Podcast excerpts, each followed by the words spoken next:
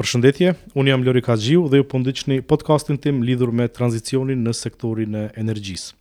Që nga kjo epizod do të filloj me serinë e re, e cila do të trajton burimet e ripërtritshme, por me fokus të veçantë energjinë solare. Këtë seri do ta udhëheqim bashkarisht me Zana Govori, e cila është mysafire edhe në këtë epizod. Zana, mirë se vjen.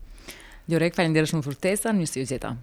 Ë uh, Arsyeja pse uh, do ta bëjmë këtë bashkarisht me Zanën është se Zana ka një background uh, mjaft të mirë akademik, uh, si nga aspekti i marrëdhënieve ndërkombëtare, juridik dhe magjistraturë në burimet e ripërtritshme në sektorin e energjisë. Dhe ka punuar kohën e fundit, ka qenë angazhuar në disa hulumtime dhe në disa studime që trajtojnë pikërisht energjinë solare dhe burime tjera të ripërtritshme në Kosovë. Zana, mirë se vjen edhe një herë në emision. Të lutem, a mundesh në pika të shkurta me përmbledh pak background-in akademik dhe përvojën tande deri tani me me energjinë solare.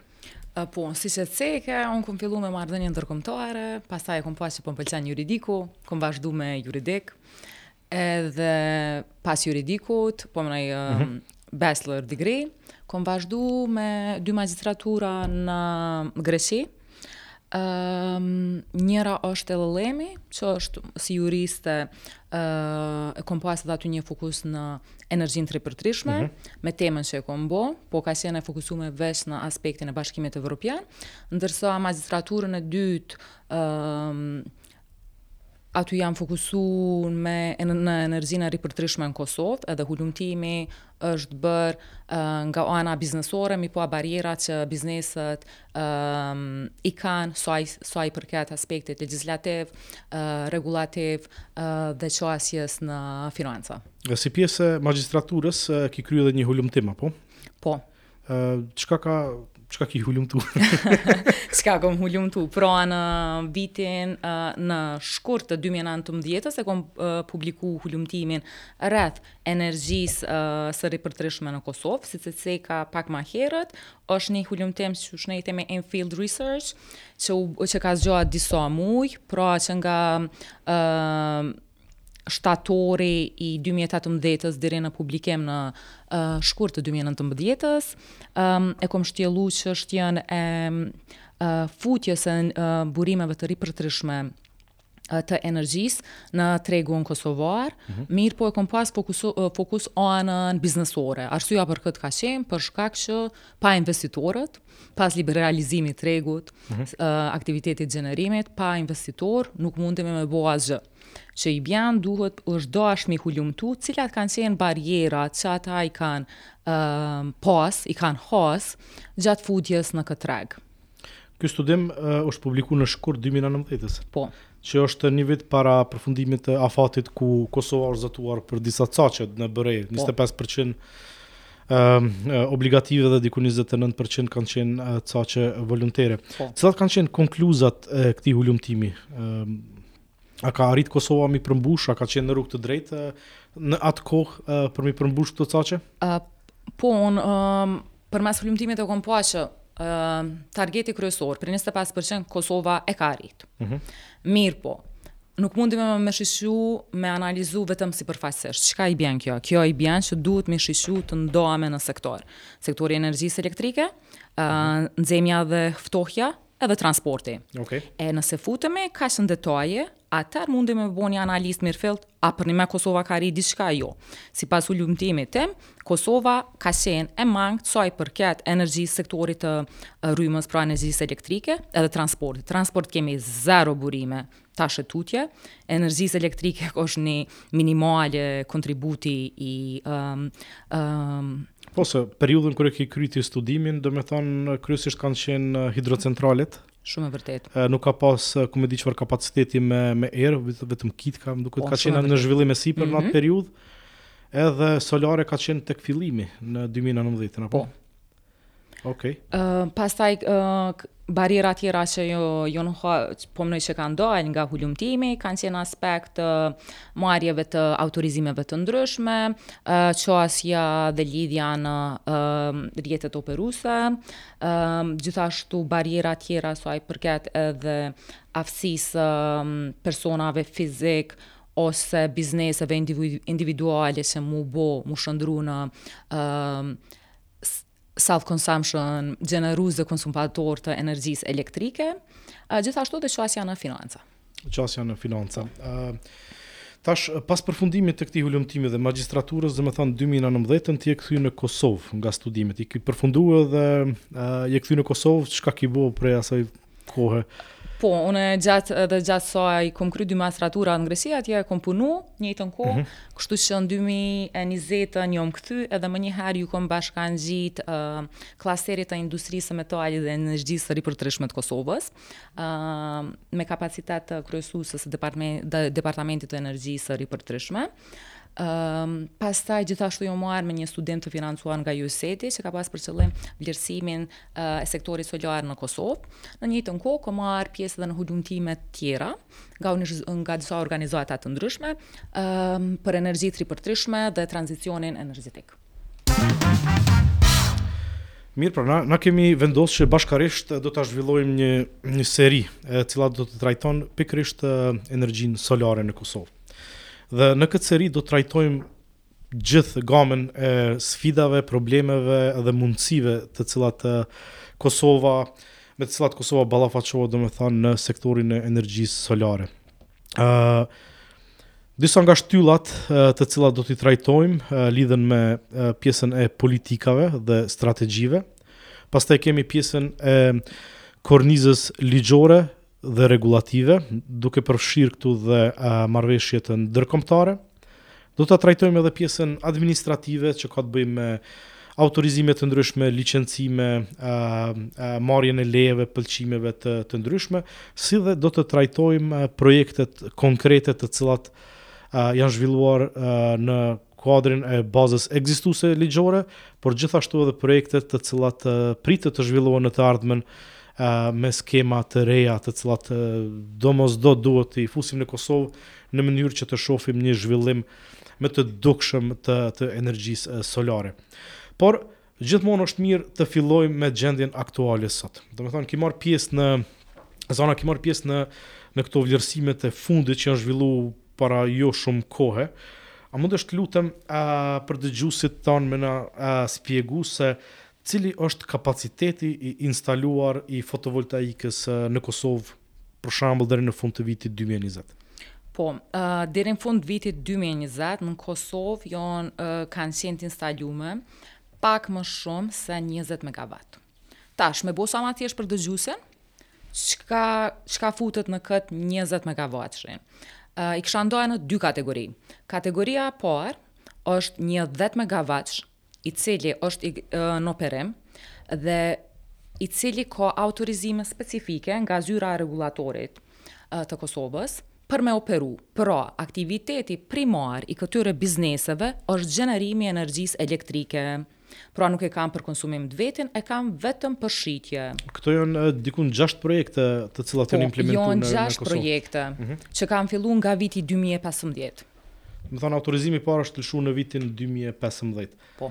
Këto projektet janë të shpërndara nëpër gjithë Kosovën, po prap janë 6 dhe kapaciteti total është 10 MW. Këto janë projektet e përkrahura me feed-in tarifën. Feed-in tarifën, po. Domethënë, kjo është ajo 136 euro për megawatt. Po. Okay. Ka sens, ky është grupi i parë që ka marrë feed-in tarifën më të lartë, Pastaj kemi edhe grupin e dytë që ka zbrit feed-in tarifa, mirëpo është proces gjyqësor, kështu që nuk po futemi në atë çështje. Po ky grupi i dytë janë diku njëzet megavat shtesë, të për të cilat është përcaktuar tarifa prej tetëdhjetë e pesë pikë pesë euro. Implementimi i këtyre projekteve, domethënë, varet nga vendimi i gjykatës lidhur me procedurat administrative të cilat i ka ndjek zyra e rregullatorit. Po mirë, ë gjithashtu çka vlen të ceket tek ky segment është se feed-in tarifat që nga dhjetori i dy mijë e njëzetës janë anulu, apo po, me një vendim ZRRE-ja e ka nxjerrë një vendim dhe ka thonë që e tërë lista e pritjes ë uh, shpërbëhet s'ka më listë pritjes për shkak që nuk kanë me jap më feed-in tarifën. Kanë me i shiqu mekanizmat mbështetës tjerë, qofshin ato përmes ndonjë premiumi, me ankand, tendere, varësisht ende nuk ka marrë vendim të saktë, kështu që jemi në pritje dhe besoj që ndonjë epizod të radhës mundemi mi shqyrtu gjithë mekanizmat mbështetës. Mm -hmm. Mirëpo është vetëm ky 20 megavatshi që e ceke, që është në pritje të vendimit të gjykatës. Mirë, atëherë, um, ky është 10 megavatshi i parë nga 20 megavatshi i instaluar total. Uh,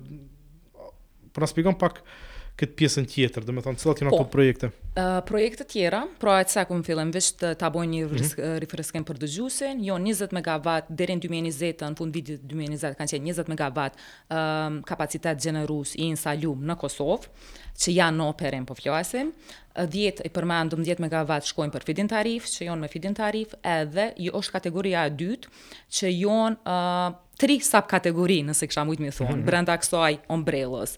Është kategoria e gjeneruesve që e gjenerojnë energjinë elektrike për vetëkonsumim. Pra që kjo është ombrella e madhe dhe këtu ndohen tri kategori. Njëra janë, uh, për diçka që njihet si prosumer, që i bjen konsumator, prodhues, uh, gjenerues, po edhe për vetëkonsum. Mm -hmm Mirëpo, këtu duhet me pas një fakt parasysh që këta persona duhet me marrë leje specifike nga zyra e rregullatorit, autorizim, edhe gjithashtu për kyçje në rrjet, për shkak se energjinë elektrike, përveç që e gjenerojnë për nevojat e tyre personale, për konsumim, tepricën e asaj energjisë elektrike munden me fut në rrjet, që i bjen në një mënyrë e shesin. Po faktikisht në praktikë nuk është shitje, po çka ndodh? Një lloj kreditimi. Një kreditim domethënë mm -hmm. në mujin e ardhshëm, nëse kanë fut më shumë energji elektrike në rrjet sesa që kanë konsumu, uh, furnitori, në këtë rast Kesko, uh, e bën e krediton. Uh, kjo është pra subkategoria e parë. Kategori... Por te kjo subkategoria, nëse po. në punën kategoria, po. e gjeneruesve për vetëkonsum. Po. Këtu janë edhe disa limite apo të cilat e përcaktojnë kapacitetin e instalum që mund të jetë maksimum 100 kW për po. një një konsum edhe gjithashtu është niveli i tensionit ku po. këta mund të kyçen që është vetëm në tensionin e ulë 04. Kështu po. që shumica e këtyre projekteve të instalume janë ose biznese të kyçura në tensionin e ulët apo edhe edhe edhe disa amvisni. Po. Sa kish... është kapaciteti i këtyre? Ëm um, në fund kur e kemi bërë ne hulumtimin, në fund të vitit 2020 ka qenë 1.6 megawatt uh, në listën e ZRE-s. Nëse sot dikush e shikon listën e ZRE-s, veç për qartësim, janë rreth dikun 2.3 megawatt, mirëpo këtu për, përfshihen edhe projektet që janë në proces. Që i bjen ende nuk janë të aprovume. Po gjithsej janë dikun mbi 50 projekte, apo? Po, po, po, po. Ok. Vazhdojmë pra me, prap me, me kategorinë po. e, e vetëkonsumit, por është një nën, nënkategori e veçantë. Po, që njihet tek ne si Behind the Meter Zero Export Projects, që i bjen uh, instalusi, e instalon sistemin uh, solar në shtëpi ose biznesin e tij, mirëpo nuk, li, nuk uh, lidhet në rrjet, në aspektin që nuk e fut tepricën e energjisë elektrike në rrjet. Mm -hmm. Ai mundet me qenë i lidhur për me marrë, me qenë në sistemin e distribuimit i lidhur, mirëpo nuk e fut energjinë elektrike në rrjet. Um, gjatë hulumtimit që kemi bërë ne përsëri, uh, i kemi identifiku 5.6 MW kapacitet të instaluar. Ëh që kjo shifër është shumë me rëndësi për shkak që nuk ka pas dhanuna askund. Mm -hmm. S'ka një databazë shtetërore që një institucion përkatës me tregu sa uh, behind the meter projects janë. Po, sepse këto projekte nuk kërkojnë leje. Shumë e vërtetë. Domethënë nuk ekziston procedurë administrative ku një investitor i cili don me instalu panele solare vetëm për vetëkonsum, Uh, domethonë, uh, nuk është i obligum me apliku për pëlqim leje apo po, diçka të tillë. Shumë e vërtetë. Edhe për këtë arsye nuk ekziston një regjister as në ZRE, as në ministri, dhe kjo është hera e parë që është identifiku ky 5.6 MW që si kapacitet i instalum, dhe besoj këtu janë dikun mbi 200 projekte po, të instalum. Po, mbi 200 projekte, Edhe bajagi është kjo shifër shkon tash në rritje. Në rritje, po, po. se jemi tu e pa non stop industria e sektorit solar është në vazhdimësi duke instalu kapacitete të reja. E kemi edhe kategori, subkategorinë e fundit që janë agrobizneset. Mm -hmm. uh, këtu vetëm pak për dëgjuesin me qartësu, Çka ka ndodh, Ministria e Bujqësisë, Zhvillimit Ekonomik, Pylltarisë, kërkoj falje se po ndryshojnë emrat shumë shumë shpesh. Po. Ka dhënë sub, jep çdo vit faktikisht, mhm. subvencione për agrobizneset. Okej. Okay. Uh, m'ju ndihmu atyre edhe disa nga kriteret kanë qenë nëse instalojnë sistem solar për nevoja personale atëherë marrin pikë shtesë kështu që që kjo incentivë i ka shty agrobizneset me instalu rreth 3.7 megawatt kapacitet gjenerues. Mhm. Të cilin ata e përdorin vetëm për nevoja personale, qoftë për shembull fermerë për ujitje, për sistemi solar për instalim të instalim soli mhm. paneleve solare për ftohje, për frigoriferë që na kanë tregu që i përdorin, për nevoja personale. Domethonë për Po këto projekte nuk janë as të kyçne në rrjet në shumicën e rasteve. Po në shumicën e rasteve jo, se për shembull kur ka shumë fermerë që nuk kanë fare fare qasje në rrjet. Pra çka bojnë këta operojnë përmes baterive. Okej, okay, domethonë kryesisht janë off-grid, off-grid po. që përdoren për projekte të ujitjes apo diçka të tillë. Sa është numri i këtyre projekteve? Më duket se ishte diku 1300 apo po, s'di. Po, aty diku sillet, ë uh, kërkoj falje se tash saksisht se shumë numra. Po. Mirë, po vetëm ta shohim e kemi këtu diku me një Po, qenkan ë uh, qenkan 1073 projekte deri në fund të vitit 2020.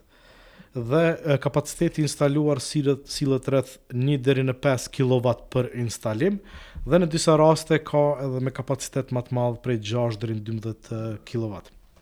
Por rëndësia e identifikimit edhe të këtyre projekteve janë se janë projekte të bazuara në burime të ripërtëritshme dhe gjithashtu edhe këto kontribuojnë në offset të të të karbonit, emitimit të të gazrave të efektit serë dhe gjith gjithqysh duhet të të bëhen në regjistrin shtetëror të them ë të të gjeneratorëve të po. bazuara në në burime të ripërtritshme, edhe nuk ka burim më i pastër se se energjia solare. Shumë e vërtetë. Tash, ë me këtë e kemi përmbyll një far uh, kapaciteti t'instalum uh, çka u bë deri tash, por ndoshta uh, kishte me qenë mirë edhe me cek se cilat janë uh, kategoritë kryesore të cilat uh, investojnë në energji uh, në në energji solare. Uh, Po, um, për shembull kur flasim te prosumers, uh, zakonisht i kemi biznese që mirren me um, distribuim, uh, të ushqimore apo po, po depo distribuive. Um, I kemi uh, qendra tregtare, restorane që ofrojnë uh, shërbime. Uh, është pjesa e agrikulturës që përmendëm edhe aktiviteteve të ngjashme. Pastaj uh, nëse shohim listën e shohim që dhe uh, disa pompa të për benzin, për mbushje të mm -hmm. automjeteve, kanë fillu me i vendosë panelet solare, kemi hotele të ndryshme, zyre, mirëpo kategoria ma e madhe, nëse mundemi me ndo, jonë restorane, qendra tregtare, për manufacturing production, po, prodhimtaria, prodhimtaria që si thua jonë um, kategoritë ma të mdhaja. Mm -hmm. Por, uh, kjo është mjaft një numër i madh i projekteve, domethonë ah. u cekën 200 projekte në behind the meter, po, 50 po, po, prosumers, po. 173 në në pjesën e, e bujqësisë edhe kemi këtu gjashtë projekte të mdhaja. Domethonë është goxha një numër i madh i projekteve, që është implementu dhe me siguri kanë pas edhe sfidat e tyre, domethonë, cilat kanë qenë, a mundesh m'i përmbledh në pika shumë të shkurta, cilat kanë qenë barierat apo sfidat kryesore me të cilat janë ballafaqu këta investitorë në fakt? Po, tash, ti duhet me i ndo sipas kategorive, që për shembull për uh, prosumers, nëse shkojmë me kategorinë e prosumers, uh, nuk kemi uh, legjislacioni momental në Kosovë, ligji uh, nuk e rregullon. Për shembull, as ligji për energjinë elektrike, uh, nuk kemi ligj special për uh, burimet e ripërtrishme. Uh mhm. -huh. Pra, qysh uh, prosumers përmendet vetëm në rregullat e rregullatorit, që aty është kategoria edhe qysh ja japin njëfarë lloj definicioni. Pra mungon një legislacion i mirëfilltë, uh, pengesa qysh e ceke shumë mirë Lorik um, që kategoria uh, jon um, prosumer, statusi prosumers ju lejohet vetëm uh, personave fizikë apo personave uh, juridikë që jon uh, t'lidhun uh, tension të ultë, mhm. pra bizneset, që jonë në tensione tjera, nuk munden. Edhe atyre diqysh po ju mirret që ajo e drejta me gjeneru energjinë që përmes sistemeve solare tyre, edhe me fut tepricën në rrjet. Um, gjithashtu uh, është uh, ajo që e përmende limiti nga 100 kW, që s'mundesh me shku mbi atë. Uh, pastaj, nuk ka uh, njohuri t'mirëfillta. Nuk ka vetëdije që sa profitabile në çdo aspekt, ekonomik, social, shoqëror mundet me qenë gjenerimi, vetëgjenerimi i energjisë elektrike. Pastaj ne kemi vrej që është një procedurë bajagi e komplikuar, sidomos kur flasim për një shtëpiak, nëse një person, një shtëpi don me shku vet edhe m'i marr autorizimet krejt, ju del bajagi punë. Po këtu jemi tu fol për pjesën e vetëkonsumit apo po, prosumers. Po, po, për prosumers. Kjo po. është domethënë statusin e prosumers. Mm -hmm. Po këto barrierat uh, janë shumë të po, po, po, po, patjetër. Edhe është një numër bajagi i madh i dokumenteve, lejeve, pëlqimeve që duhet me marr. Ëm ehm, uh, nëse nuk gaboj në sektorin e amvisnisë, uh, një prej barrierave është edhe leja komunale. Po. Pasi që Nuk ekziston një udhëzim administrativ apo një një formular i thjeshtë i cili me të cilën një një individ mundet me apliku për me marrë leje për vendosjen e panelit po. solar. Ë kemi 38 komuna dhe secila komunë po zhvillon po, diçka në krye veti edhe pastaj nuk nuk është një sistem i unifikum as për aplikim as për dhënie të lejes edhe gjithashtu një një numër i madh i ndërtimeve janë pa leje edhe kërkohet leja e ndërtimit. Shumë vërtet. Kështu që është është mjaft një faktor, është mjaft faktor kufizues. Por ë çka është identifiku nëse nuk gaboj është edhe nuk ka informacione të mjaftueshme, domethonë a ka një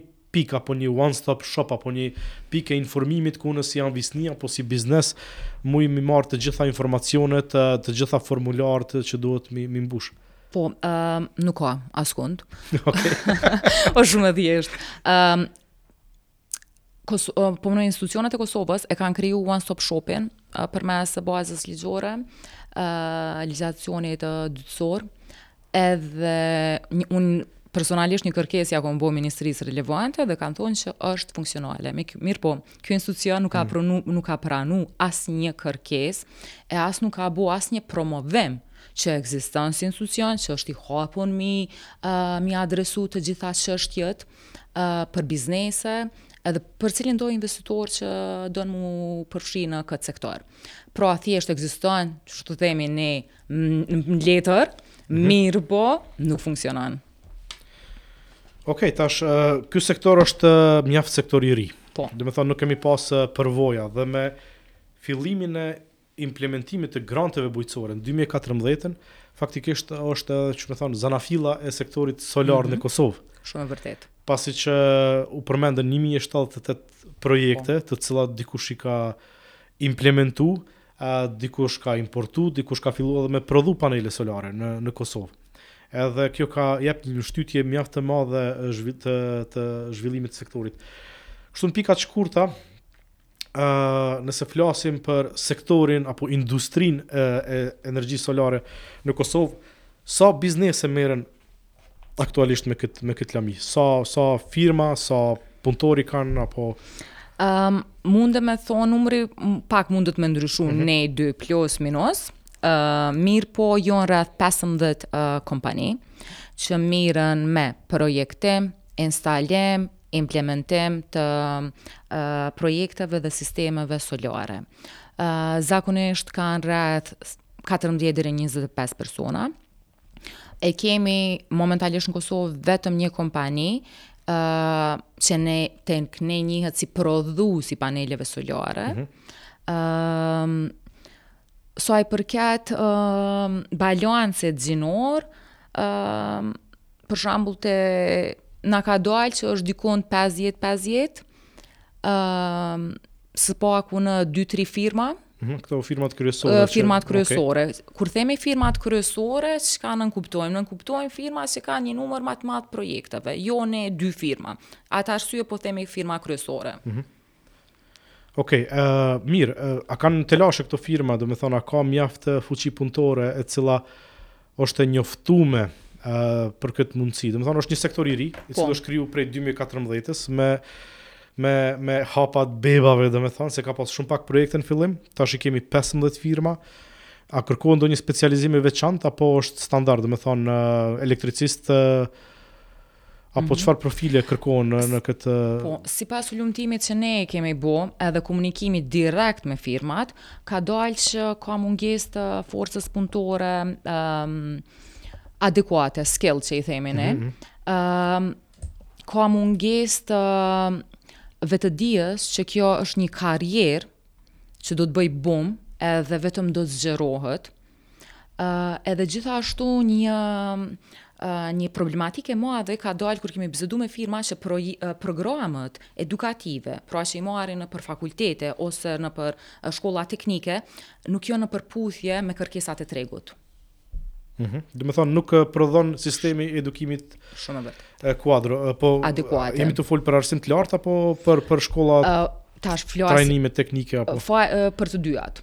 Ok, sepse uh, nuk e shof që jemi tu ndërtu një farë know-how-i të madh këtu, a din jemi tu instalu panele, domethonë, kërkesa kryesisht apo pjesa ma intenzive, me thonë labor intensive, është uh, me siguri vendosja këtyne paneleve, çfarë profile mund të kërkohen kënej, përveç metalpunusve, pasi që Jeni edhe në shoqatën Kimerk, a keni do një program trajnimi edhe në kuadër të shoqatës? Po, Kimerku është organizu trajnime t'kohëpaskohshme, në bashkëpunim me organizata të ndryshme edhe bashkëpunim me komunitetin biznesor, kështu që i ftoj të gjithë, sidomos të rinjët, që janë të interesuar, tash e kemi bo dhe një platformë ku i vendosim punë, kërkesat për punë, okay. i shpallim edhe trajnime të, të ndryshme.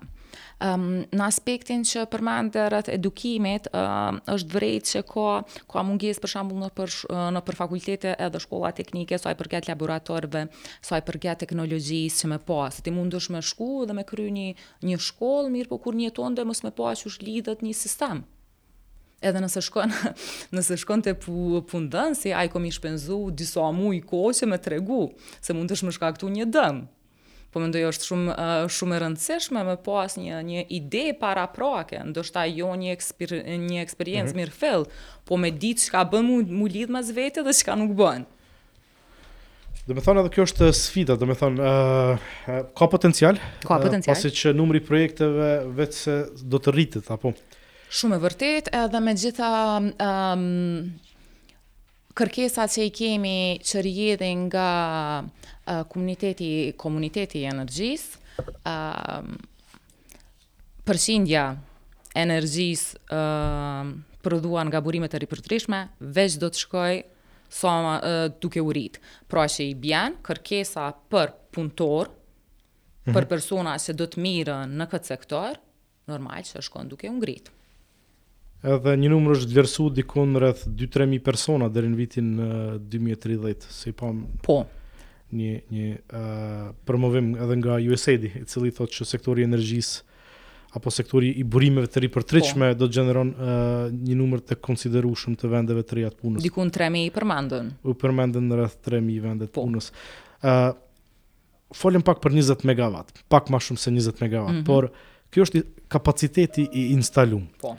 Po në realitet, kjo është vetëm 0.04% të kërkesës për energji solare. Domethanë, është një, një, një fraksion i asaj na çka konsumojmë në, në, në Kosovë.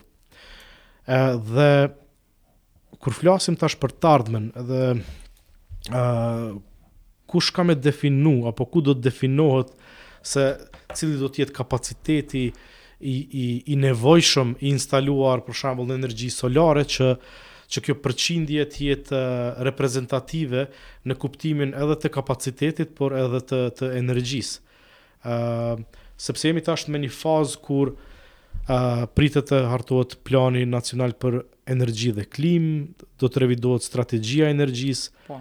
dhe do të negociohen targetet e reja për BRE deri në vitin dy mijë e tridhjetë.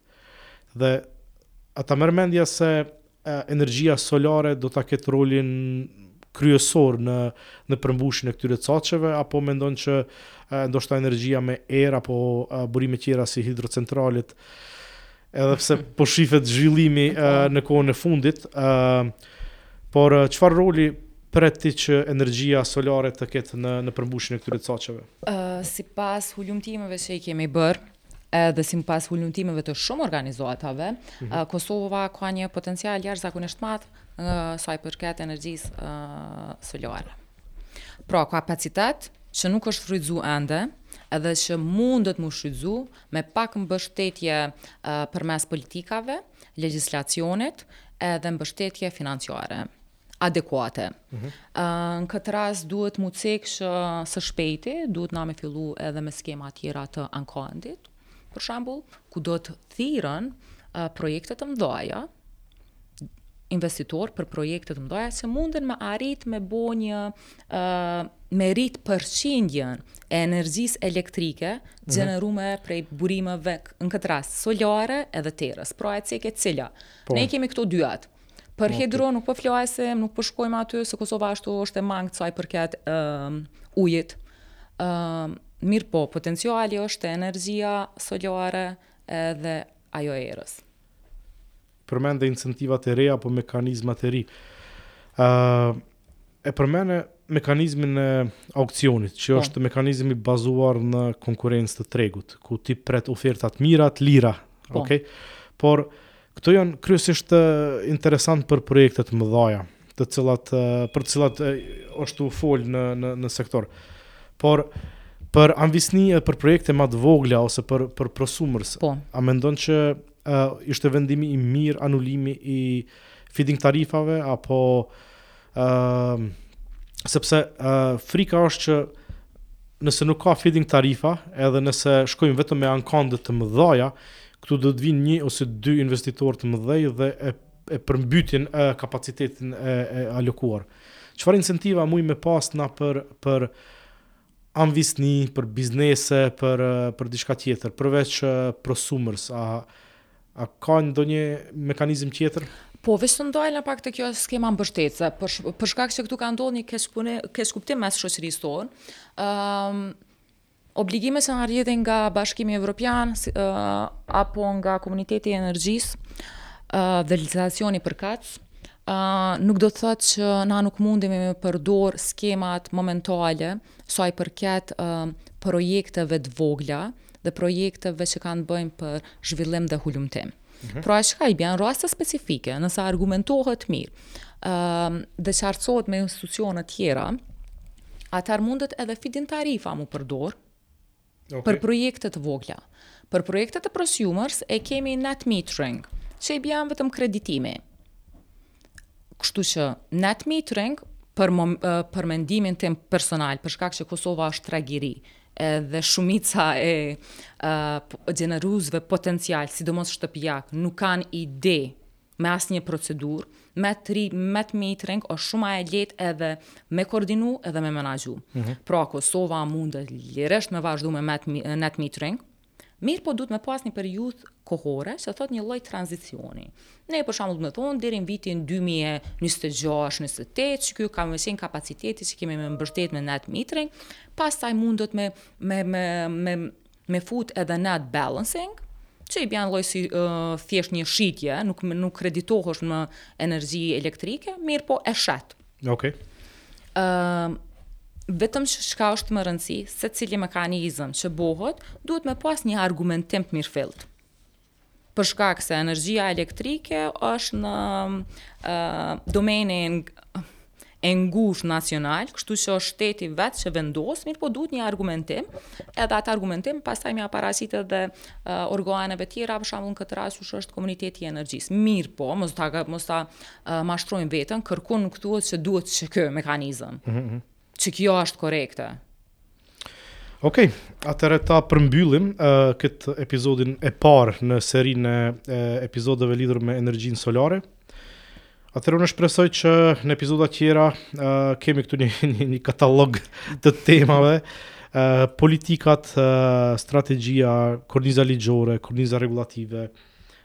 projektet konkrete, sfidat, barrierat, edukimi, krijimi i vendeve të punës, çka mendon se do të trajtojmë në episodin e radhës?